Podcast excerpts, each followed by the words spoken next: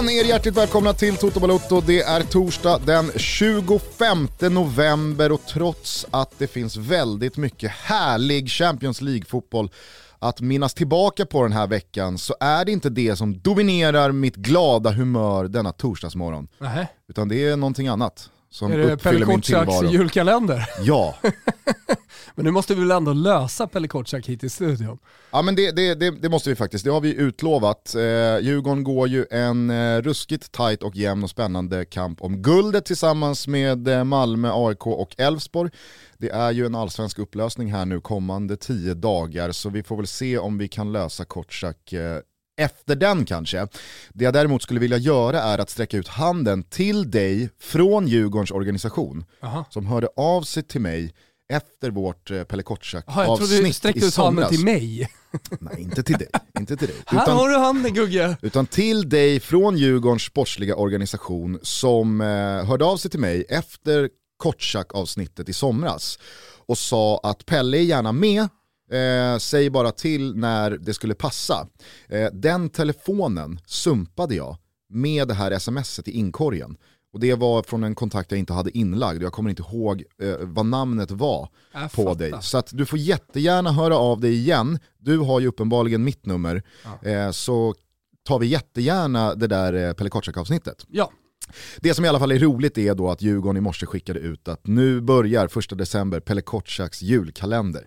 Det är alltid lika vagt, det är alltid lika luddigt, men det är alltid samma otvivelaktiga karisma som Kotschak bjuder på i varje lucka. och sen så är det na, na, na, na, na, na, na. Det Precis. blir lite stämningsfullt. Nej men han behövde ju inte ens säga någonting i teasern. Han bara hoppar ner från himlen och så blir man knäsvag. Otroligt. Eh, det om det. Champions Leagues femte gruppspelsomgång är avslutad. Det var två ytterst händelserika kvällar. Eh, vilken av dem skulle du vilja börja prata om? Eh, Jag kan börja tisdag, jag tycker alltid det känns bäst. Så vi backar bandet dit, dammar av tisdagen lite grann. Jag måste säga att eh, det var oerhört snyggt och stort eh, men också extremt ovanligt gjort av Dejan Lovren. Alltså Zenit Sankt Petersburgs lagkapten, eh, att så tidigt eh, på slutvissla gå ut och i intervjun ta liksom Malmö FFs parti. Det är väl ganska lätt att göra det när matchen slutar 1-1 Ja. och man har säkrat den där tredjeplatsen. Absolut. Då är det är det lättare. Då, absolut, det, det, det är lätt, eller så är det lättare. Eh, och, det, och det spelade givetvis eh, säkert in i eh, Dejan Lovrens beslut att nu kan jag ju faktiskt gå ut och vara lite hjälte här. Ja. Eh, och vara lite läckra laxen och säga jag förstår Malmö-supporterna och det där har drabbat mig också och det här är fel. Liksom. Nonetheless, jävligt stort och snyggt och väldigt ovanligt att till och med motståndarspelare eh, går in och, och, och ställer sig på, på motsatt lags sida. När då VAR, som ska vara någon slags garant för att regelboken upprätthålls, eh, har påkallat eh, den lettiska domarens uppmärksamhet och sagt att det här ska nog vara straffa. Mm. Men eh, eh, jag förstår inte folks, eh, eller jag förstår folks upprördhet, men jag förstår inte folks förvåning och chock. Alltså det som har sköljt över Sverige, sociala medier och alla jag pratar med efter den situationen. Alltså jag, jag har suttit i Toto Balotto, jag står längst fram på barrikaden vad det gäller den här typen av frisparkar, gula kort och röda kort.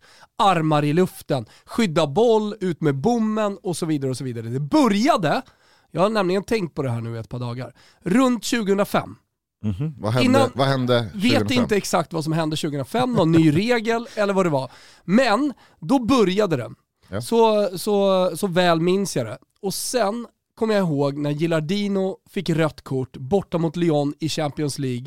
När han fällde ut bommen och skulle eh, ta emot en boll, får en eh, Tolalan i ryggen, Tolalan springer typ in i hans arm. Alltså jag, jag svär, det är verkligen så här. okej vad har jag min spelare ut med armarna lite grann, ganska lågt, inga armbågar.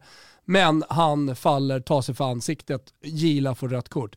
Alltså sen dess, sen den dagen, har jag varit vansinnig på exakt de här domsluten.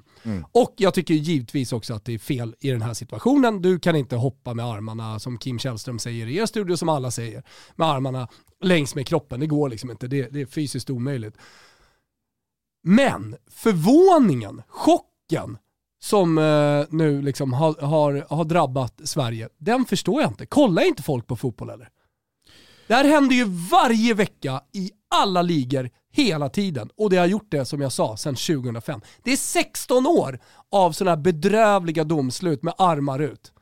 Sen finns det såklart grader i helvetet. Och det här är, det här är, det här är en, en jävligt eh, liksom, låg grad. Mm. Det vill säga helvetet går ju neråt, så man gräver sig ner så man kommer långt ner.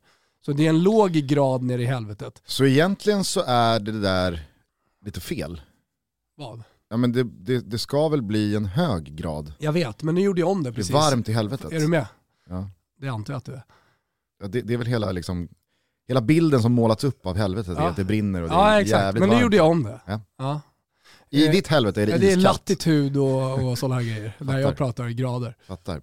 Ja, nej, men, alltså så här, jag, jag, jag, jag, kan köpa din, din förvåning över att det här verkar komma som en chock för många. Å andra sidan så är det väl det här klassiskt att det blir först aktuellt att återigen oja sig över och ondgöra det faktum att två varningar på 29 matcher, eller tre varningar på 29 matcher kostar det en avstängning när det väl ska eh, avgöras. Alltså det, det blir ju stort och det blir eh, rubriker när väl Sebastian Larsson får jo, det där gula kortet. I de diskussioner som jag har hamnat i med folk så är det liksom så här, som att det var första gången. Ja, jo, absolut. Jag hamnade senast igår. Men det var väl många som eh, i, i förrgår kväll, eller dagen efter, eh, som kanske hade något intresse i eh, att eh, Malmö FF ur ett supportermässigt perspektiv skulle vinna den här matchen. Man kanske hade eh, spelmässiga intressen i den här matchen. Eller så satt man bara och tittade på fotbollen. Hade i sin goda ro innan ett par år börjat smyga med att nej men vad fan, VAR är väl ändå the shit. Va? Det, det, är väl, det är väl ditåt utvecklingen går och det är väl klart att VAR är bättre än att inte ha VAR. Som faktiskt nog kände att nej, vi skiter nog i det här. Va? För att återigen, det har ju vi sagt i den här podden hur många gånger som helst, var eller inte, det är fortfarande människor som ska ta besluten. Ja. Och problemet med VAR, som jag tycker det största problemet, eh, speciellt i straffsituationer, det är att man letar efter eh, kontakt. Och i det här fallet så fanns det en kontakt. Och det, känslan är, när eh, VAR-domarna tar straffar nu för tiden, är att de behöver bara eh, en kontakt in, i någon form för att de ska välja eh, straffen. Mm. Och det tycker jag, alltså, man, man måste ju i något läge, det, det, här är faktiskt en perfekt situation att prata om, man måste ju också värdera våldet. Alltså hur hårt är det? Det, det vet jag, det pratar ju domare om eh, normalt sett alltså när det gäller gula och röda kort. Alltså hur mycket våld är det? Mackan Danielsson, hade, hade det inte varit lika mycket våld i den, hade det, hade det inte träffat lika hårt eller hade gått in lika, lika kraftfullt, då hade det aldrig blivit rött kort utan snarare gult. Eh, för, för, för, för våldet bestämmer färgen på kortet. Och jag tycker också att våldet bestämmer i den här typen av situationer. Så bestämmer våldet eh, om, om det ska bli straff eller inte. För hade han gjort illa spelaren på riktigt, alltså hade det varit mycket våld fast fortfarande en situation där han hoppar upp som man gör med armarna, mm då är det lättare att förstå, tycker jag. Jag, Men... tycker, jag tycker nog att den eh, parametern som främst ska avgöra ifall det här ska vara straff eller inte, det är kanske vem inte... som kommer in först i Exakt, det kanske inte är ja. våldet utan snarare, vem äger den här situationen först? Ja. Det är ju solklart Erik Larsson, för att jag, jag, kan köpa att en sån där situation landar i ett gult kort eller ett rött kort eller en straff.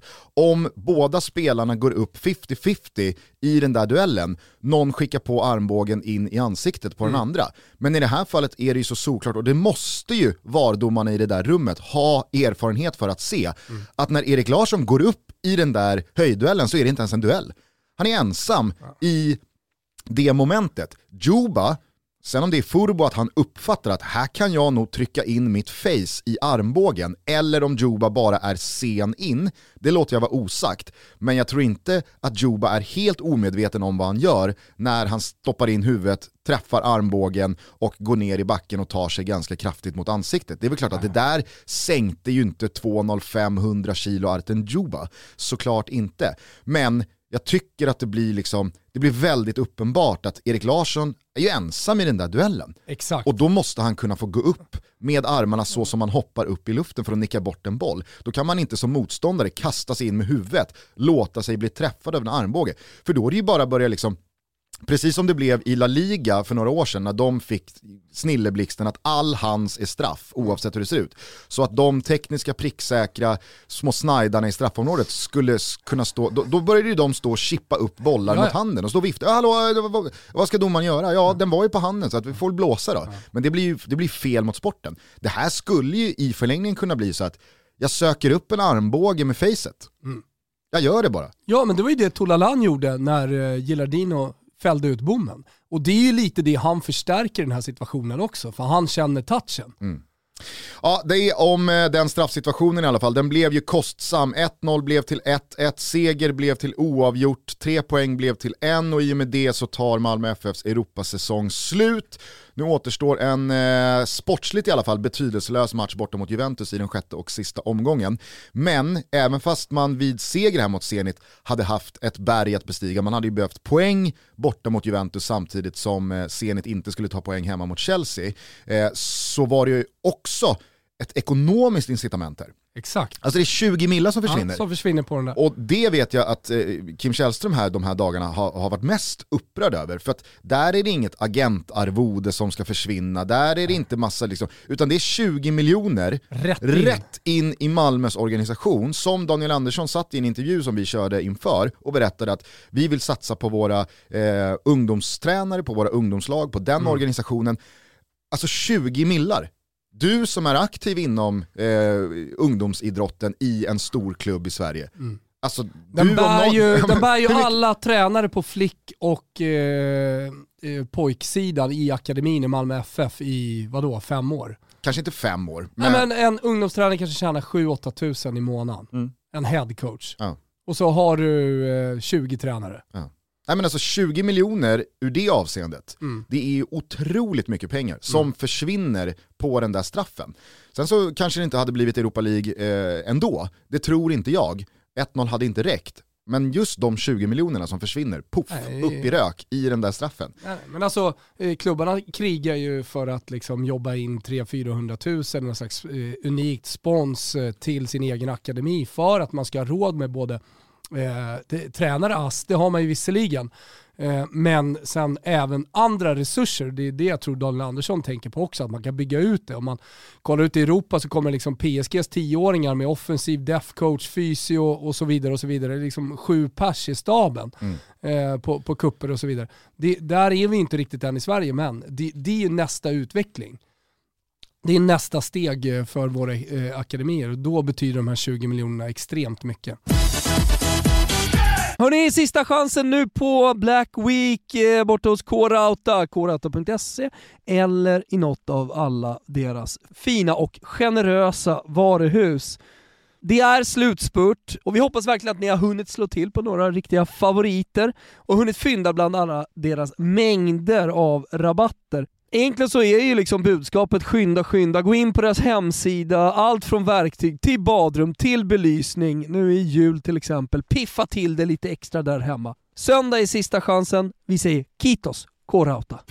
Vi är denna vecka sponsrade av Flowlife och nu är det brinnande Black Week. Då gäller det att passa på att köpa sina julklappar. Vad passar inte bättre då än följande? Lyssna bara. Flowlife de utvecklar innovativa massage, tränings och återhämtningsprodukter för såväl atleter som allmänhet. De värdesätter kvalitet, långsiktighet, funktionalitet, hållbarhet samt personlig och professionell utveckling.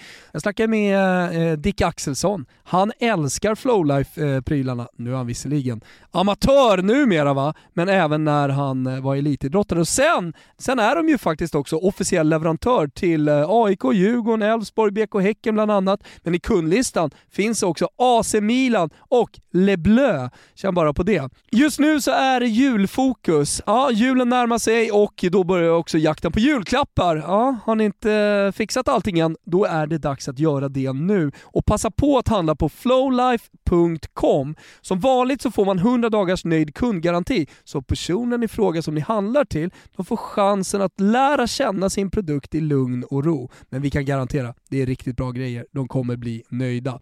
Flowlife.com är det som gäller och koden TOTOFLOW20, TOTOFLOW20 ger 20% rabatt. In på flowlife.com nu! Passa på att handla era julklappar. Stort tack Flowlife!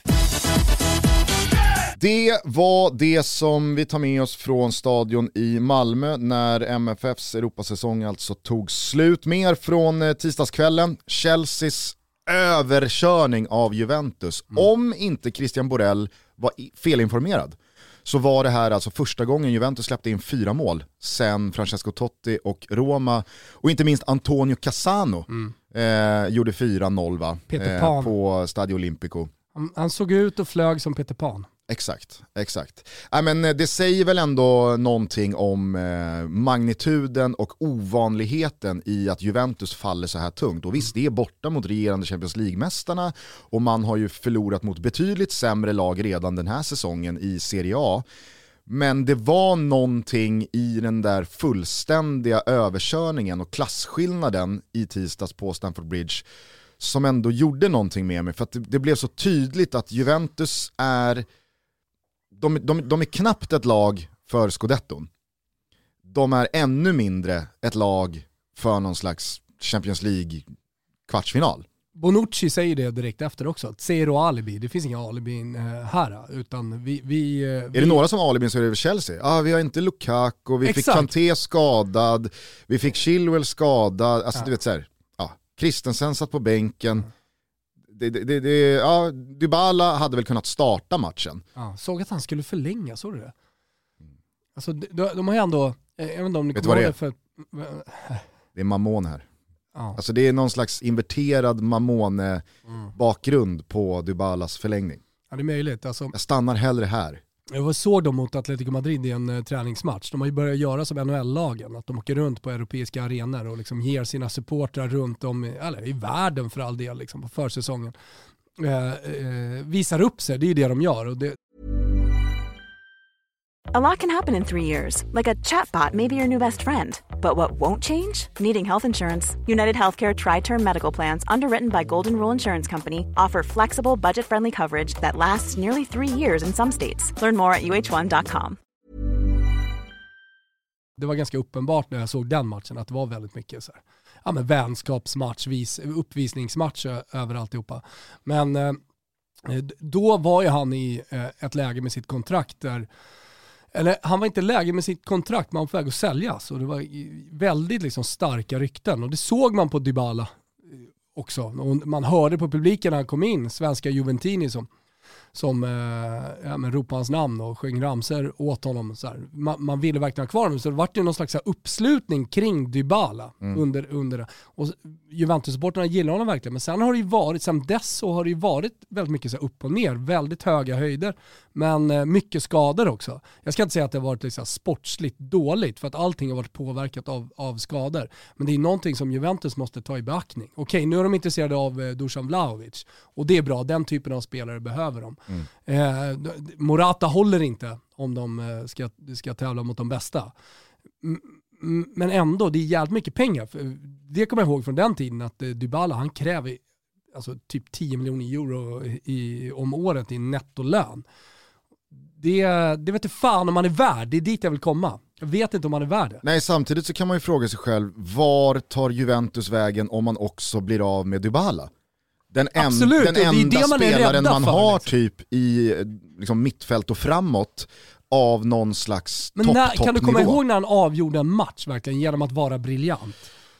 Han var väl ändå ganska utslagsgivande i eh, Zenit-segern i Turin. Ah, okay. mm. Med både mål och framspelningar och... Alltså, där, Men det var där... i alla fall länge sedan han hade så här, två, tre matcher. Fyra, fem skulle jag nästan vilja... Liksom, Där, där, han bär laget. Så där han var Dybala. Kolla det Dusan Vlahovic är för Fiorentina, han har ju burit honom hela säsongen. Mm. Det Jao Pedro har varit för Cagliari, det Harry Kane hela tiden har varit för uh, Tottenham. Mm. Uh, det, det, det är det någonstans, ska du tjäna de där pengarna, då måste du bära laget längre än enstaka matcher. Och återigen, så här, jag är medveten om skadorna och att han haft de problemen han har haft.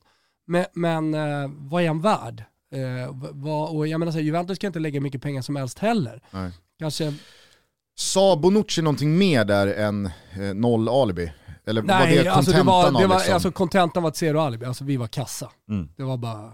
Och sen så kan, man ju, så, så, så kan man ju liksom brasklappa hur mycket man vill om att jo, jo, men man var redan klara för avancemang och det, det, det var i ett liksom, tufft läge med lite skador och spelare tillbaka från eh, liknande eh, konvalescenser och så vidare. Samtidigt, Juventus är ett kryss ifrån att säkra gruppsegern Mm. eh, mot ett Chelsea som dras med minst lika många skador och eh, skavanker. Och det är den överkörningen och det är inte de här halvmiljard upp mot miljardvärvningarna som eh, steppar upp och visar klassen. Utan de tre första målskyttarna är unga, hemvävda, egna talanger, egna produkter från Chelsea. Alltså det var sån jävla imponerande uppvisning av eh, Chelsea måste jag säga. Och, och då har ju de stått för eh, några sådana matcher det här året, men eh, vilken jävla muskelflexning. lilla, lilla sparkapitalet också då, med, som du sa, med, med skadorna. Som, vi pratade om Liverpool, att de eh, på något sätt hade lagt i eh, fyrans växel. Mm. Inte femmans, det finns fortfarande någonting eh, till att eh, kräma ur det, det där laget. Thiago kanske? Ja, absolut. Thiago. Det är en, en, en, en bra synpunkt. Men eh, vad det gäller Chelsea så vet jag inte riktigt vad de är. Men de, de kanske inte är på femmans växel, men de har ju hamnat i ett läge där Klopp är med Liverpool på ganska kort tid. Mm. Att eh, de kan tuffa på vinna matcher på tvåan, trean. De är tunga och de har tillräckligt bra spelare breddmässigt så att de kan ha skador. Men vad är det för höjd på det här Chelsea när man kommer in i, i mars-april som jag är helt övertygad om att Tuchel har järnkoll på. Men jag kan dock inte skaka av mig hur dominanta City ändå var på Stamford Bridge i Nej, Premier. League-mötet. För Nej. Men sen så, ser du, sen ser du dem, nu hoppar vi lite, men så ser du dem mot PSG och hur dominanta de är spelmässigt mot Ja. ett ruskigt PSG. Mm. Och det kanske, kanske i de två matcherna man ska bedöma City och Pep Guardiolas storhet. Att han kan kliva in mot de två lagen som vi vet är så jävla bra. Okej, PSG har haft en vad ska jag säga, medioker säsong. Alltså de, de, de inte har inte poängmässigt höjd. men prestationsmässigt. Prestationsmässigt ja, spelmässigt så, så blir man ju inte jätteimponerad av dem. Men ändå, det är PSG och det är med, med supertrion längst fram och det, det, det är miljardspelare överallt. vi, vi, vi kan väl återkomma till eh, City PSG. Men ändå, är det, där man ska, det är där man kanske ska bedöma Pe- Pep Guardiola. Absolut, absolut. Men innan vi släpper eh, Chelsea bara. Du eh, sitter ju numera i Toto Fan-båten tillsammans med Robbie Bylund. Ja. Ni har ju länge suttit i, i Trent-båten ihop också. ja, det var jag, papp, papp, papp, papp. Han hoppade i min Trent-båt. Jag rodde, han hoppade i. Nu är det ett fartyg. Ja, så är Sen det. var det många som lämnade Det jag, simmade in till und- land. det jag undrar är dock, hur ser eh, Trent Alexander-Arnold-båten på Reece James? Eh, ja, men de är ju två olika spelartyper, det skulle jag vilja Är säga. de verkligen det? Ja, lite är de. Alltså, Trent är lite mer fladdrig men lite mer spetsig. Re- Reece är ju lite mer, eh, alltså han är bättre defensivt än vad Trent är. Lite bättre defensivt ja. Ja. Och, och alltså Trent Alexander-Arnold Tre- alltså har ju, väldigt lika, han har ju men- staplat assist på hög den här säsongen. ja. Men jag tror att Reece James i och med målet mot Juventus gjorde sitt femte eller sjätte mål. Eh, Mm. Och han är också på någon målskytt. Trent är ju liksom en assistkung. hovleverantör. Hovleverantören Trent Alexander. Okej, eh, om, jag, om jag frågar dig så här då, om du iklär dig Gareth Southgates eh, kostym, Ja. eh, hur får man in båda i ett engelskt landslag, eller går inte det? Ja, det är svårt. Det är svårt. Det är jävligt svårt. Ja, det skulle ju vara att spela dem på samma kant. Men vem petar du på högen då? Ja. Offensivt. Och det finns ju vissa som Alltså, nog sträcker upp handen och offensivt. säger fast Kyle Walker kanske är... Nej, där, där, dit vill jag inte gå. D- där är fan stopp alltså. Men sen är ju Kyle Walker mycket bättre på att eh, spela eh, ett lågt sittande försvar än vad både Reece James och eh, Alexander Arnold är. Alltså, lyxproblem såklart, men eh, det, det är overkligt. Vet du vad man skulle kunna göra? Alltså Du frågan skulle är... kunna flytta ut Reece James till, till vänster. Spela Reece James vänsterback och eh, Trent Alexander, eh, Trent Alexarnold. Du, joinar, du hoppar ner i Lustig-båten Ja. i de som har problem med att säga vad han heter. Trent Alexander-Arnold spelar till vänster. Den italienska övningen är ganska mysig. Frågan är, det slår mig Är det nu, Luke Shaw han petar då eller? ah, Ben Chilwell. Ja, sh- ja men det gör han ju. Det är inga problem. Alltså Reece James kommer komma upp, kanske ännu bättre liksom, komma in med sin högerfot. Ja, i överlappen. fan. Det jag däremot undrar, det jag däremot undrar tanke. så här på uppstuds, det är ju om ett europeiskt landslag någon gång har haft en lika spetsig konkurrens på en position. Alltså då pratar vi inte mittback där det ändå kan finnas plats för två, eller centralt mittfält där det kan finnas plats för två eller tre. Det var alltid snacket med Lampard eller Gerard och det var samtidigt som Paul Scholes. Ja, Och är på de offensiva positionerna så är det lättare att rotera Exakt. runt lite. Men du kan här- inte, du kan inte flytta alltså- bara in en högerback. Här har vi alltså Manchester Citys oerhört duktiga högerback. Chelseas oerhört duktiga högerback. Och Liverpools oerhört duk- duktiga högerback. De tre kanske är bäst i världen på den positionen. Och de slåss om samma position, en till antalet, i samma landslag. Om någon kan kontra med en liksom vassare konkurrenssituation från ett europeiskt landslag eh, så, så får man gärna höra av sig. Historiskt också. Be, be my guest. Aha. Be my guest. För, alltså, o- om någon hävdar att Trent Det Alexander jag Arnold är världens på- bästa högerback, Mm. det, det är svårt att säga, nej du har fel. Mm. Om någon säger, ja fast Reece James är ju på samma nivå som Trent Alexander Arnold. Mm. Det är svårt att säga till den personen att du har fel. Och om någon då säger, jo fast Kyle Walker är väl kanske åt båda hållen, i båda riktningarna, eh, den du ändå vill ha Mm. först på plan. Det är svårt att säga, Du får ju mer grinta, du får ju mest grinta av eh, eh, Kyle Walker. du får mest, du får me- mest snabbhet, Ja. du får mest liksom eh, defensivt Det är inte, tänk. det är inte så att uh, Trenty och, och Nej, de- långsamma. nej, nej, det sa jag ja, inte. Nej, nej. Det sa jag inte, jag sa bara att Kyle Walker är oerhört snabb. Nej, men det jag var en- tänker så här, nummer 9 positionen för du kan bara spela med en 1,90 spelare. Så, här, så att där kan det ha det funnits är jag en motståndare mot. Ja, jag vet. Det är Jag du och häv- Berluska. Jag hävdar att man kan ha två skithus Ja, längst fram. och jag gillar det också. Ja, det var i alla fall en jävla imponerande seger av eh, Chelsea som eh, gav mer smak eh, från de regerande mästarna. Villarreal Manchester United slutade 2-0, det var en hemmadominans i dryga timmen. David de Gea höll eh, Michael Carricks United kvar i matchen. Rulli bjöd i alla fall eh, United eh, på 1-0 och där var Cristiano Ronaldo och lobbade in det så fyllde Jadon Sancho på med 2-0 och ja, det här blev då nästa kapitel i den märkliga story som är Manchester United säsongen 21-22. Eh, det var ju en seger som säkrade gruppsegern en, eh, ett otroligt utfall får man ju säga Absolut. eh, på en sån insats och så att Atalanta inte vinner mot Young Boys parallellt. Ja, det var ju verkligen maxutdelning på det.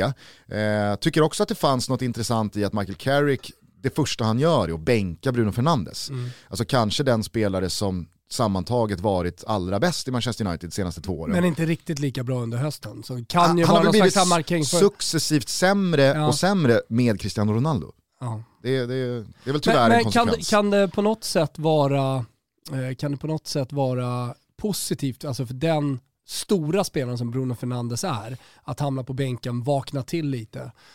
Det har man ju också sett situationer, alltså visst, vissa spelare blir knäckta, men jag tror inte Bruno Fernandes blir det, utan snarare kanske han kan ta till sig någonting. Jag kommer inte ihåg Portugals landslag, alltså när Ronaldo och Bruno Fernandes har spelat tillsammans, hur samarbetet ser ut där, om de får det att funka bättre. Kommer du ihåg några, några matcher nu under hösten eller tidigare? Ja absolut, Nej, men eh, det, det, det hackade väl ganska rejält i, i EM Ja. i, i somras. Portugal var ju kanske den största, besvi- största besvikelsen av dem alla. Ronaldos beslut. Det, det tror jag verkligen inte de gör. Men, det, alltså, i Ronaldos målproduktion, alltså det finns ett pris att betala för de Ja. andra spelarna. det. Eh, Som det alltid finns liksom. Ja. Det är bara 11 på plan, någon ska göra målen. Mm. Eh, det vi i alla fall kan konstatera att eh, parallellt med det här så har det ju hänt grejer i ryktesfloran kring vad som nu eh, komma skall på den här tränarposten. Luis Enrique har tydligt eh, klivit av eh, tåget. Han säger att Nej, men jag har fullt fokus på Spanien till eh, VM om ett år så glöm mig. Erik Ten Hag eh, har också meddelat att min framtid finns i Ajax. Jag är här för att vinna titlar. Jag, Älskar. Ja, verkligen. Såg du eh, att jag skrev till Fabrizio Romano? Nej. Eh, för att Fabrizio Romano rapporterade då att han hade sagt det här från presskonferensen innan Ajax match mot Besiktas igår. Alltså han hade sagt det då på PK i förrgår. Och då skrev jag bara till Fabrizio Romano, sa han det här på engelska? Eller sa han det på holländska? Fick ingen svar dock, Aha. Besviken. Ja, såklart. Eh, så att de två ändå hyfsat heta alternativen kan vi stryka. Vad som har blivit eh, betydligt hetare sen senast, det är ju då Ernesto Valverde som en interimlösning säsongen ut och Mauricio Pochettino som då en permanent lösning. Så får man väl se om det då blir efter säsongen till sommaren eller om Pochettino kliver av PSG någon gång i närtid och hoppar på det här redan nu. Från brittiskt håll så finns ju då Brendan Rodgers fortfarande väldigt mycket med som ett alternativ. Men det som verkligen ja men, seglar neråt mm. i odds på marknaden, det är ju att Michael Carrick blir också eh, interimlösningen mm. till den eh, ordinarie lösningen. Det blev ingen interim interim utan eh, det, det blev en caretaker som gick över till interim. Ja, och det, det tycker jag, det är väl det rimligaste. Alltså om, om eh, spelargruppen känner sig trygga med det och om man har fått bra svar på alla möten man har haft och så vidare, då, då ser jag ingen anledning till att ta in Ernesto Valverde som ska röra runt i grytan och ändå på något sätt skapa sin fotboll under en väldigt kort tid. Dessutom, en tränare, dessutom en tränare som vars senaste tränaruppdrag var att leda La Liga med Lionel Messis Barcelona. Alltså så här, om en sån tränare kommer in går 12 raka matcher och vinna. Vara, ja, men han vill väl tillbaka och visa att liksom så här... Absolut, men vill han vara interim? Vill han inte ha garantier? Och det kanske finns en klausul i kontraktet, gör det här, ja men då får du förlängt till exempel. Alltså lös Champions League eller vad det nu skulle kunna vara. Jag tror att efter nästan två år eh, utan jobb ja. så vill han nog ta det där halvårsgigget för att visa att kolla vilken duktig tränare jag är. Mm. Eh, det jag menar är bara att om en sån tränare med den erfarenheten han har, mm. skulle gå 12 raka matcher, United ser helt plötsligt tunga, effektiva ut, det är liksom en, en, en fotboll som vittnar om att vi, det, här, det här är en effekt som kommer från Valverde, för det här mm. såg vi ingenting av under Ole Gunnar Solskär. Ja då riskerar man ju att hamna i en situation, ja fast vi har ju Pochettino bound här till sommaren. Men då vet man att då kommer det bli liksom röster utifrån att fast det här har ju Valverde gjort på så här kort tid. Mm. Vad kommer han kunna åstadkomma på, på tre år? Ja, det, är, det är en jävla soppa mm. och det mesta talar väl för att Ed Woodward då, den avgående vdn, som skulle lämna vid årsskiftet, han kommer förlänga sin tid vid rodret för att då styra upp den soppa han själv har lyckats åstadkomma. Mm. Det är också en jävla anledning till att stanna kvar på ett jobb man ska lämna. Verkligen. Eh, jag ska lämna för att jag har gjort ett så jävla dåligt jobb. Men jag har gjort ett så jävla dåligt jobb att jag kommer behöva stanna lite längre för ja. att styra upp det här pissiga jobbet jag har gjort. Jag måste ändå ordna upp lagret, alltså så att det är lite ordning där. Otroligt. Fixa pärmarna och sådär. Men jävla häftigt i den gruppen att uh, Atalanta och Villarreal möter varandra i en direkt avgörande match. Atalanta behöver vinna, mm. Villarreal klarar sig med kryss i Bergamo. Och jag, menar, jag tror inte att det spelar så stor roll för, för Atalanta om man behöver vinna eller om man behöver lösa ett kryss. För de kan inte spela på ett kryss. Nej. Sen är det klart att det är större sannolikhet om de får in en månad. Sen blir det ofta kryss ändå. Det, det, det, kan det ju bli, men, men eh, i inställningen, i nervositet inför matchen, i ma äh, gameplan, hur man lägger upp det, där, där skiter Gasperini i vilka man möter uppenbarligen, har vi ju lärt oss. Mm. Eh, och eh, vilka förutsättningar som råder inför matchen. Men jävligt rolig match i alla fall eh, i sista omgången. Hörrni, vi är sponsrade av Anyfin. Ni har säkert sett om eh, de senaste veckorna här och börjat få ett litet grepp om vad Anyfin är för någonting. Men jag tänkte berätta bara eh, för er som har missat det. Så är det ju så att vi handlar väldigt mycket online idag och jag vet om någon hur svårt det är att hålla sig från frestelsen att inte bara klicka hem det där spontana köpet men framförallt nu under månader med Black Week eh, där man kan lockas av många erbjudande och faktiskt en hel del köphets. Också inför julhandeln att utgifterna drar iväg lite. Så förutom att det är väldigt lätt att klicka hem saker så är det också frestande att dela upp betalningen och klicka på köp nu, betala sen till exempel om man skjuter upp det till framtiden. Men jag vill bara påminna nu alla om att man ska försöka att undvika handla på alla sorters eh, kredit. Handla inte för mer pengar än vad man faktiskt har och planera köpen. Och här kommer Anyfin in. I deras app så får man en bra överblick över hela sin privatekonomi. Och där kan man också se hur mycket man spenderar i veckan och hur mycket man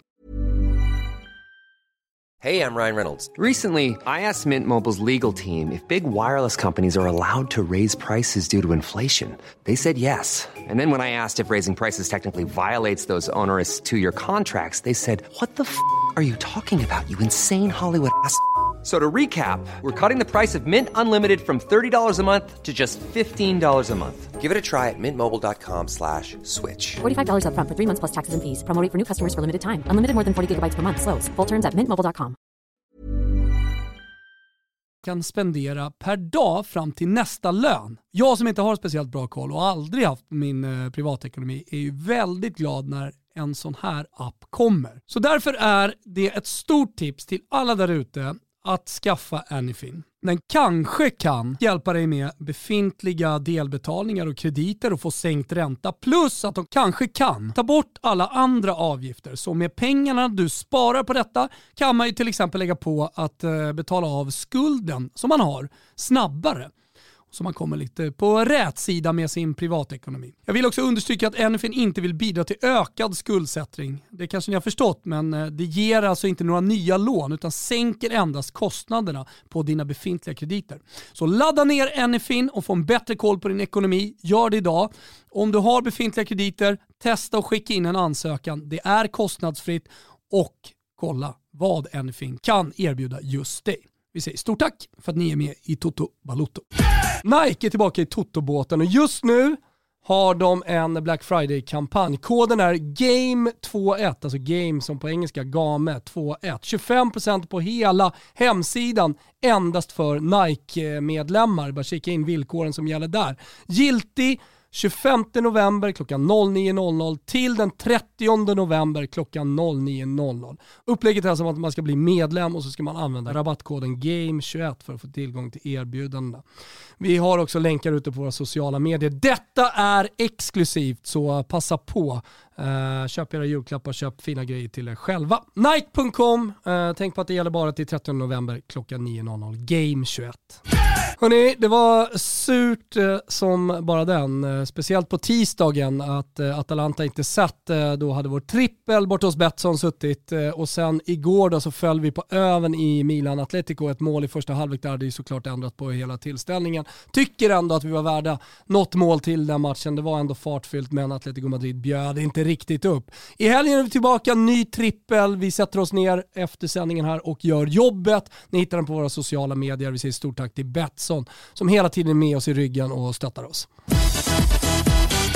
Speciell upplösning också i grupp E. Det var en eh, otrolig 0-0 på Camp Nou mellan Barca och Benfica. Alltså Benfica hade sådana chanser att vinna den. Så ser du två mot ett läget Absolut. i 93 minuten. Jorge alltså jag var rädd för Jorge Jesus Jo men om man hjärta. skulle säga, jag, jag vet, men om man skulle säga att eh, de hade lägen i andra halvlek, eller så här, de hade läge i andra, andra halvlek. Det var ju för att Barcelona tryckte på så jävligt Ja, för ja. att vinna matchen. Vilket kanske på ett sätt också var lite förvånande för att de borde ha varit nöjda med eh, krysset. Barca? Ja. Alltså kryss eller förlust spelade inte så stor roll.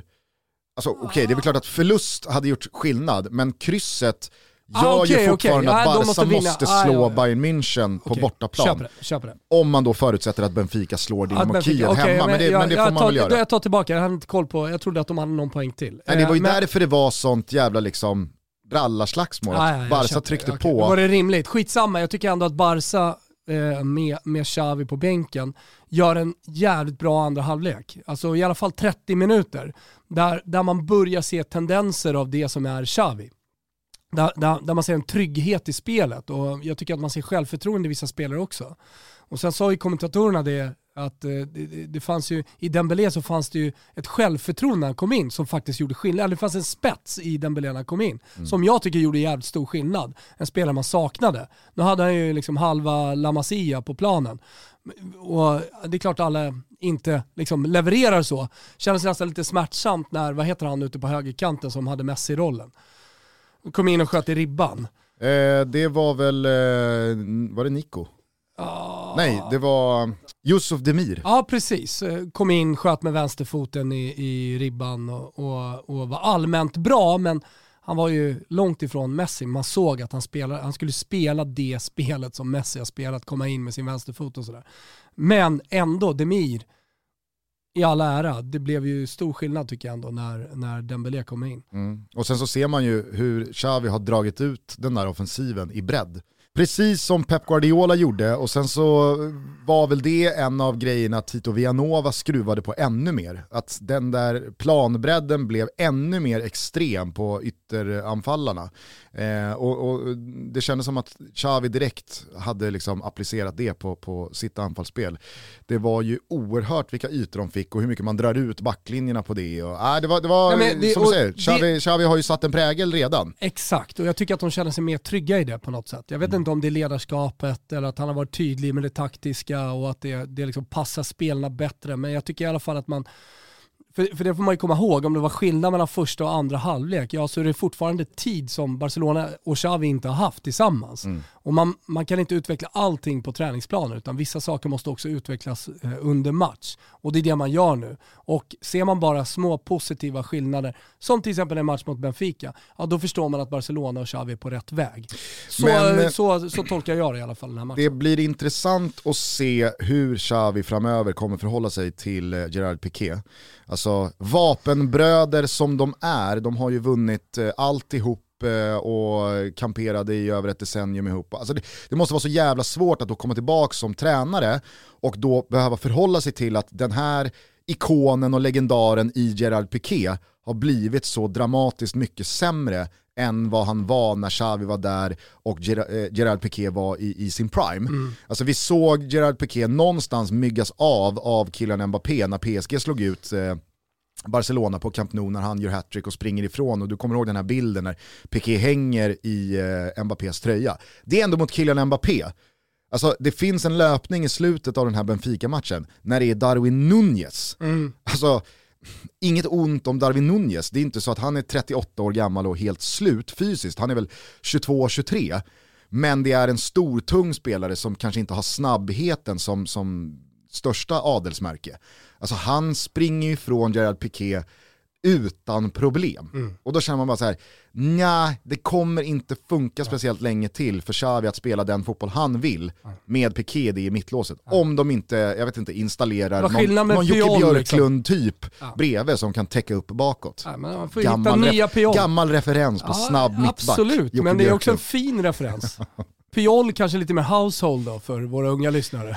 Var Piol sådär jävla snabb? Ja men han löste det för han var så jävla smart och positionssäker. Ja. Så att, eh, alltså, man kunde spela Pep Guardiolas tiki-taka och han, han, han fixade ändå kontringarna. Tomori är väl en, en, en, Jättebra en modern... värvning. Eh, ja men det är också en modern referens till att liksom ha en en så pass snabb mittback att mm. han kan täcka upp bakåt. Det är så jävla bra. Eh, med det kanske vi ska landa i eh, gårdagskvällen då, för den var ju också händelserik och intensiv. Inter fick till slut hål på Shakhtar Donetsk. Man spelade ju två gånger mot varandra förra Champions League-säsongen, 0-0 båda. Första mötet den här säsongen i Ukraina slutade 0-0 och nu dröjde det en dryg timme.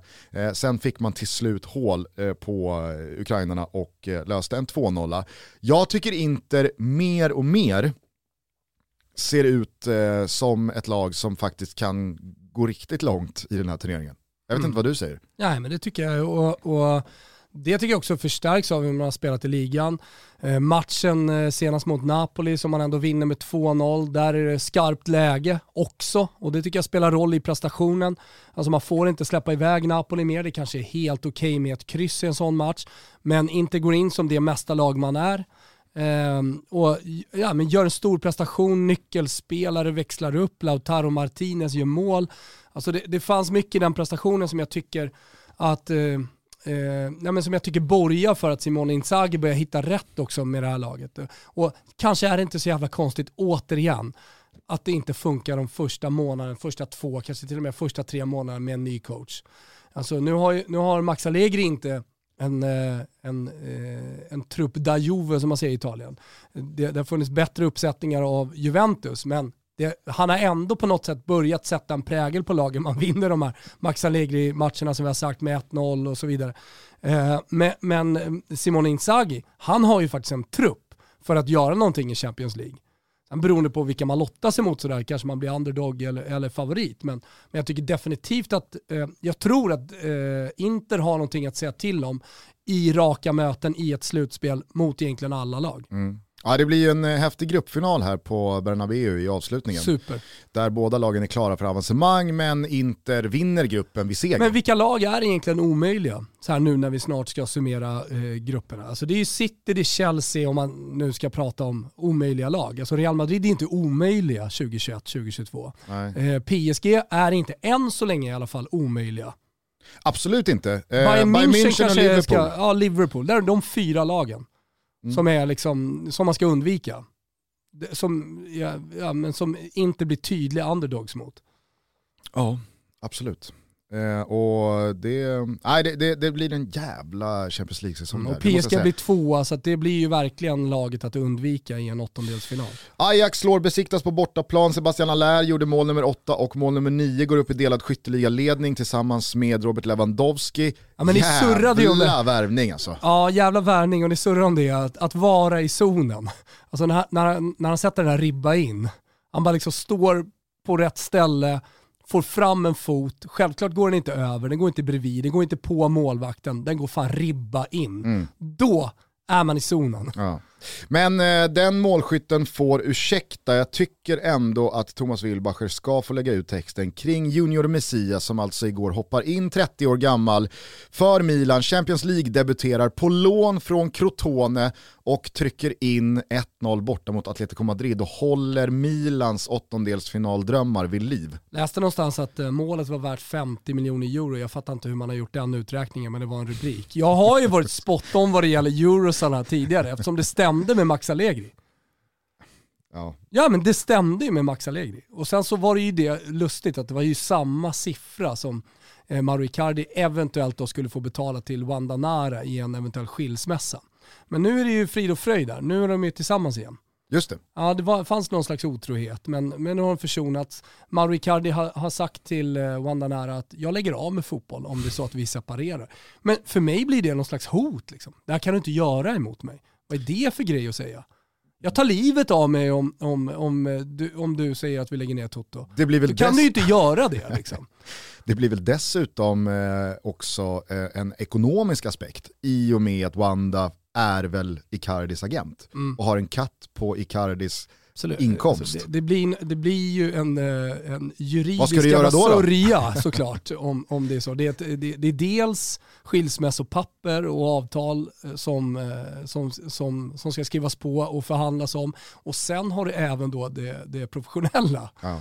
Eh, Men, men de, det, jag skulle bara säga att det var roligt eh, att det var samma summa. Att jag liksom Och att du hade rätt då, och, ja, kring Allegri-summan. Ja, och det är möjligt att eh, det här målet är värt 50 miljoner euro. Det får ju någon lyssnare Men vi förstår inte riktigt kring hur. sig. Vi fattar inte hur. I och med att. Milan fortfarande kan komma sist. Kanske är det så att det kan vara värt 50 miljoner euro, jag har ingen aning.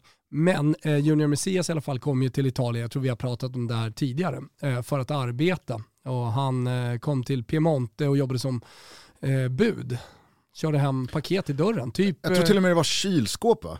Ja, han Alltså han- jobbade för en vitvarufirma. Ja, så att han, levererade, han levererade frysar och kylar. Ja men eh, du åker till Elgiganten och köper en, eh, en eh, torktumlare så, och så kör du hem skick på den. Vill du ha hemleverans? Ja. Hemleverans, precis. Det gjorde han. Och så spelade han eh, lite fotboll med eh, den peruanska communityn i Turin. Hur är den? Är den stark? Alltså, den bolivianska peruanska communityn i Florens är stark. Alltid Casinoparken, den enda parken alltså, där man trixar boll. Där är de starka, grillar, eh, dricker bärs eh, och man vill vara med. Du vet, man, man, man är bredvid och kickar själv och så kollar man avundsjukt bort till den peruansk-bolivianska communityn som har så jävla fest. Liksom. Ja. Det är salsa och det är party och det är jävligt bra fotboll såklart också. Började spela där och sen spelade han Eccellenza, det har ju till och med jag spelat. Så vi spelar på samma nivå, jag och Junior Messias, typ, inte samtidigt, jag var väl fem år innan. Förstärker ju verkligen eh, Förstärker resan. här, alltså förstärker resan. Han var på samma nivå som Ja. Thomas Wilbacher var för jag fem hade, år jag hade ju sedan. någon slags prime där i Italien i min fotboll. Eh, Självförtroende och kände mig stark fysiskt och, och även fotbollsmässigt. Så att, där fanns det drömmar. Tänk om Fio kommer ner och kollar. Sen, eh, sen eh, i alla fall så är, är det ju en, en sportchef som, som hittar honom och liksom tar honom till Serie D och alltså via Gozzano då Eh, kommer han till Crotone som är en saga i sig och helt fantastiskt. Han är med och skjuter upp Crotone i Serie A. Och det, där tar det ju slut någonstans. Han får sitt Serie A-kontrakt, kanske får ett kontrakt med en annan Serie A-klubb. Det, och, det, och det är en fantastisk historia. Men den tog inte slut för honom. Utan det blev ju ett lån som jag tycker också spelar in, alltså den kryddar historien lite. Att man köper honom inte, utan man lånar honom. Mm. Och sen kommer han in i den här matchen, har fortfarande haft skadeproblem under hösten. Och jag har i alla fall tänkt att okej, okay, Zlatan, Giroud, Leao, det finns alternativ Rebic. Det kommer aldrig bli möjlighet för Junior Messias att spela. Men det blev det. Mm. Och det blev det borta mot Atletico Madrid. Han får göra sitt första mål i Milan-tröjan och det betyder 50 miljoner euro. Man hoppas ju någonstans också, kanske inte för Junior Messias skull, men för, för storyns skull, att det någonstans också stannar här. Att det inte blir så mycket mer, han återgår till Crotone som harvar på i B och så, så är det bra så. Mm. Och så kommer man om fem år någon gång få någon slags eh, notis om att on this day 2021 så gjorde Junior Messias sitt enda mål i Champions League borta mot Atletico Madrid och var med och la grunden till the great escape som Milan håller på att göra efter tre inledande förluster i jag, grupp E. han, han är lite samma spelartyp som Jao Pedro i Cagliari. Eh, också brasse, numera italienare. Men jag tänker så här, han gjorde nio mål i Crotone i fjol. Ja, visserligen så är det ett lag eh, som eh, eh, ligger i botten, åker ur. Men, men han pangar inte in 20 mål. Nej, nej. Simmy. Det är inte Simmy. Nej, exakt.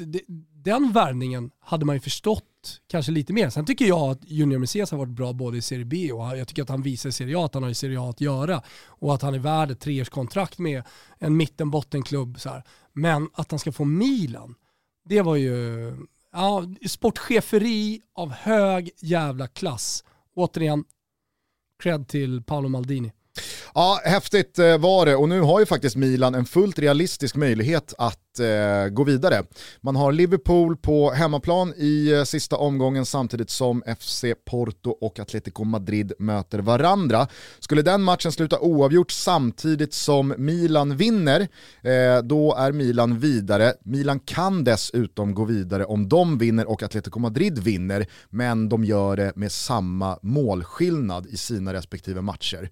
Eh, det är lite halvt invecklat, men ni hör ju själva, ja. det, det, sjukare saker har hänt än att eh, Milan på San Siro en Europakväll i december slår ett utcheckat Liverpool. Mm. Eh, nu, nu verkar ju inte Liverpool vara speciellt utcheckade. Jürgen Klopp, han tar sina matcher liksom? seriöst. Ja. Eh, och eh, visst, man, man, man hade väl... det är fel utcheckade lag så att säga som man ska möta.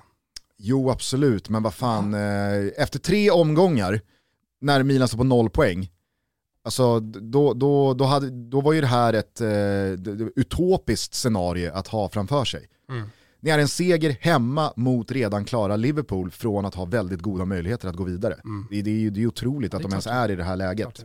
Det. Eh, Leipzig spelade ut hela registret borta mot Brygge, Emil Forsberg, en av segerorganisatörerna med eh, två mål. Och det här var väl det vi trodde om Klubb Brygge de flög lite högt där i början och störde PSG och slog Leipzig Och lite vad vi trodde om Leipzig.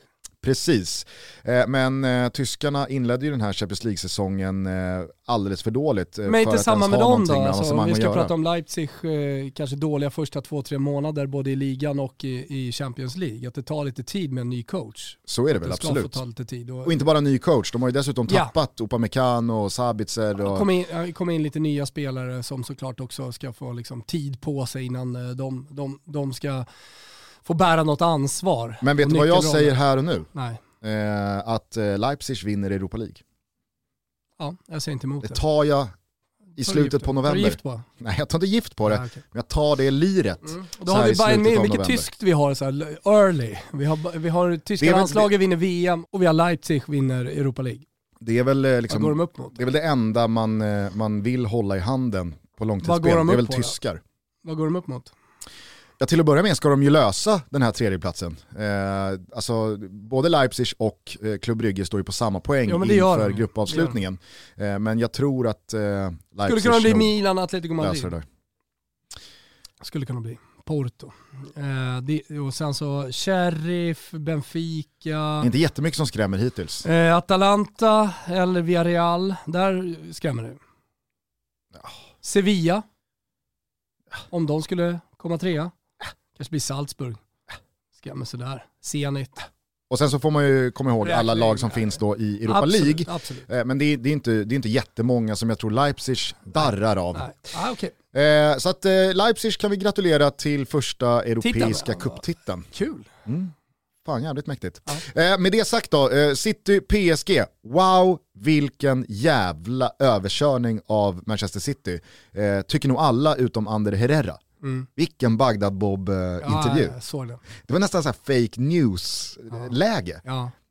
Eh, och för er som inte vet vad jag pratar om så stod Ander Herrera hos Olof Lund igår efter matchen och sa att nej, alltså jag vet inte riktigt om jag håller med om att eh, City tryckte tillbaka och så Keylor Navas fick väl göra någon räddning kanske, men alltså, annars är det väl vår match att avgöra här. Och tycker vi, vi alltså, det, var, det, var he, det var helt otroligt. Blåste upp bröstet Olof Lund efter intervjun med den... Eh, blåste upp eh, bröstet Olof Lund efter intervjun med VM-prinsen borta i Qatar. Vilken vecka han gör Drog, Lund ändå. drog, jag, drog jag då frågan där om Pochettino långt och, och tydligt liksom, så är det ändå fick svara på den. Ja. Så att eh, man, man märkte det fanns självförtroende i rösten. Såg du också, jag vet inte hur bjussig han var kring det i sociala medier Lund, men att han hamnade på stolen bakom Peter Schmeichel Ja, på, på läktaren. Ja, Han, han la ut en bild. Ja, men han la ut en bild. Ah, när han står bakom, när Schmeichel håller i mick och gör tv. Drar lilla selfien. Så, här. så mycket väl kan ses av Schmeichel och också störa honom i den eh, sändning som, som pågår. Han leker med elden nu Lund. Ja, han leker med elden, men det är där, exakt här vi vill ha honom. Jag skulle vilja säga att eh, Olof Lund pikar här och nu. Han har gjort mycket i sin karriär, som journalist och som författare. Men han pikar här och nu. Ja, kanske faktiskt. Mm. Eh, matchen då, eh, vad, vad säger du om eh, City då, återigen när vi återgår till Peps otroliga insats? Nej men det är väl det. Just, alltså, eller två saker. Det är så jävla bra Pep Guardiola City är den här säsongen. Men återigen, de är jävligt bra under hösten. Jag vill se dem vara exakt så här bra under våren när allting ska avgöras också. Jag har sett Pep Guardiola-lag slakta, vara fantastiska under hösten. Men sen liksom, istället för att gå upp nästa växel så går man ner, på, går man ner en växel och är eh, ja, men för dåliga i de avgörande matcherna. Som att man inte riktigt är förberedd på det, för, som att man inte riktigt har psyket för de stora matcherna. Så, de, de, är- de, de är otroliga. Ihop med hur ska vi värdera PSG? Nu har ju City visat det här mot Chelsea borta som vi sa tidigare. Så att förmodligen ska vi värdera PSG som ett ja, men fantastiskt jävla lag och som bara en styrkeprestation av, av City här. Men det är någonting som gnager i mig med, med PSG, Pochettino, eh, Molinas ord om strul i PSG och sånt där. Det, va, va, varför? Inget, ingen rök utan eld. Och det är ganska tydliga rykten om Pochettino till Manchester United trots får man säga. allt. Så jag vet inte. Jag, jag, man kanske bara ska landa i hur jävla bra City är och Pep Guardiola. Och utgår man från att Pochettino till slut landar i Manchester United, alldeles oavsett om det är nu under säsong eller till sommaren, skulle det på något sätt bli klart, vad talar då för att sådär jättemycket kommer bli sådär jättemycket bättre under den här säsongen, under återstoden av Exakt. Pochettinos regim i PSG? Ah, inte så mycket. Jag tyckte Micke Lustig sa det jävligt bra igår i studion, vi kan väl lyssna på det. För, alltså, för, för dagens fotboll det handlar så mycket mer om löpmeter och fysik än vad det gjorde för kanske fem år sedan. Har du en kille som inte vill vara med i försvarsspelet, då, är, då har man problem. Har man två, tre stycken som inte vill vara med i försvarsspelet, ja, men då, alltså att inte City leder med 1, 2, 3-0 i den här halvleken, det, det är helt otroligt. Och skulle, skulle man byta efternamn på de där tröjorna som är där framme, då hade man ju sutt- suttit här och spytt galla. Nu kanske jag gör det ändå, jag börjar, börjar bli lite varm här. Ja, men alltså, jag- som vi snackade om innan, vi snackade om mittfältstrion i PSG. Alltså vilka ytor de får jobba med. Och ja, det enda de kan göra det är bara att falla, falla, falla och sen få City spela anfallsfotboll i PSGs... Och så eh, trycka ut dem på kanterna och hoppas att man liksom löser sig. Ja, det är egentligen det enda man kan hoppas på att de bränner chanserna. Mm. För spelar man så här så kommer City skapa otrolig mängd chanser. Och grejen, hade är Messi Messi, ja men då kan man sitta, okej, det är lugnt, han kan, han kan gå, han gör, han, han gör två, två mål. Med den här starten och det man har sett av Messi nu, då har man inte råd att ha sådana spelare på plan. att det är ju en speciell Mm. situation att ha tre så enorma världsstjärnor i samma anfallstrio. Du måste spela dem, Du kan inte kritisera dem, du kan heller inte liksom blåsa på med någon hårtork och kräva så jävla mycket för du är så underminerad i din position om du heter Pochettino. Men Alltså, samtidigt så är det ju upp till honom att lösa det så att det funkar. För, att, för vi har haft den typen av trio tidigare och vi vet att det kan funka. Vi har varit skeptiska fast till fast tre har vi det? Men Suarez, Messi och Neymar måste väl ändå säga på samma nivå. Neymar, lite mer liksom upcoming, har någonting att bevisa, jag vill vinna stora grejer, jag får leka Jävla med kung. megastjärna där och då alltså. jag skulle ändå vilja göra skillnad på Neymar 2015 och Neymar 2021 i termer av liksom glöd och ambition och vilja att eh, ja, men visa hela världen att Jag jag, är bäst. skillnad. Luis Suarez, helt annan liksom spelartyp Än. Kylian Mbappé. Eh, dessutom en spelare som jag tror insåg där och då Det är att klart att man inte kan jämföra dem rakt av. Men det är fortfarande eh, två tredjedelar av trion är ju samma spelare. Jo, absolut, men i en annan fas av karriären. På Fast ett de är, de är lika bästisar i PSG som de var 2015 i Barca. De älskar ju varandra, Neymar och, och Messi. Ja, kanske är problemet då om man tittar längre ner i banan. Ja, absolut. För att eh, Suarez, Neymar och Messi hade bakom sig Xavi, eh, Busquets och Iniesta. De hade Jordi Alba och Dani Alves tutande längs kanterna och där bak fanns Gerard Piqué och Carlos Puyol. Mm. Ja, det är klart att det, det, det, det, är lite, det, är lite, det är lite andra bullar än Ghana Gay, Paredes, Ander Herrera. Eh, alltså, du hör ju Mm, själv. Eh, det, det, det kanske är det som är den stora skillnaden. Men det var ju väldigt uppenbart igår.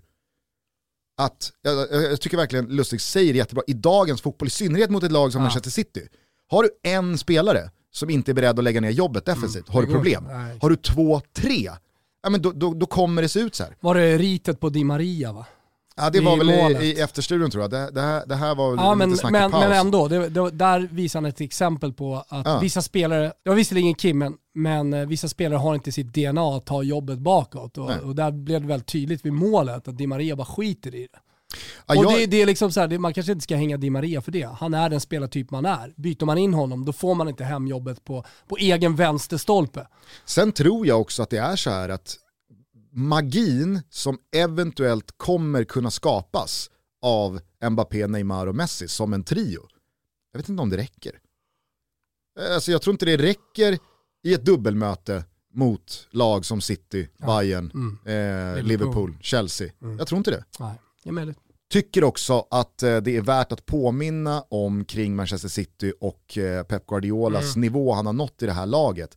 Att det här är alltså ett lag som gick in i säsongen utan Kun Agüero, eh, sitt eh, första val längst fram eh, de senaste åren, i alla fall när han har varit eh, fit for fight, utan att ersätta honom. Det blev ingen Kane, det blev ingen Ronaldo. In kom Jack Grealish för stora pengar från Aston Villa. Även fast han har dragits med lite skador här mot slutet så har det ju heller inte varit någon poängexplosion från honom så som man lärde känna honom i Villa med både mål och assist. Och Kevin De Bruyne, ja, hans säsong har ju knappt liksom hunnit ta fart än för det har varit väldigt ryckigt, det har varit skador, det har varit sjukdomar och han har inte varit i något toppslag. Alltså det är så jävla imponerande tycker jag att City, vad, vad kan de leda interna skytteligan på i City? Fem mål? Ja. Alltså det, det är inga liksom, det. de, de, de öser ju inte in mål och de har inte två spelare som är i någon hysterisk form utan det är bara en lagmaskin som tuggar på. Det spelar ingen roll hur startelvan ser ut och de slår PSG på det här sättet och de slår Chelsea på Stamford Bridge på det där sättet. Och, ah, fy fan alltså det är ruskigt imponerande att se City Ja. och, och som du är inne på att, att det ser ut så här i november, det kan kanske ligga dem i fatet eller så är det bara... Tänker bara på hans historia, det vet du också. Absolut, men det kan ju också vara en uppvisning om att fast nu är det här vår nya höstnivå. Ja, kanske. Vi ska börja avrunda. Eh, kort bara, din take på att eh, Dortmund är borta från eh, avancemang redan efter fem omgångar. Hur mycket fiasko är det?